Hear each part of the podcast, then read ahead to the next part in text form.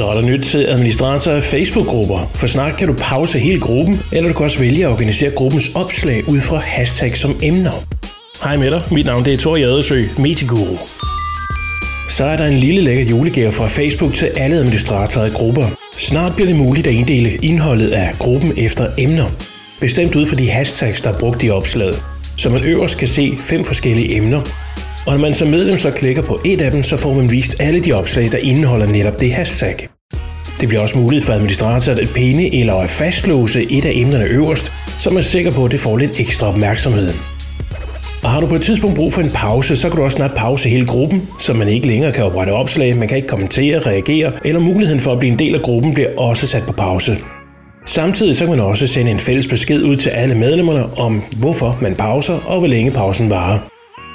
Du kan selv vælge, hvor lang pausen den skal være. Også hvis det er en specifik dato, du vil vende tilbage på, så kan det også vælges. Til de opslag, der skal godkendes inden de postes, bliver der også mulighed som admin at sende en begrundelse med, når man afviser opslaget.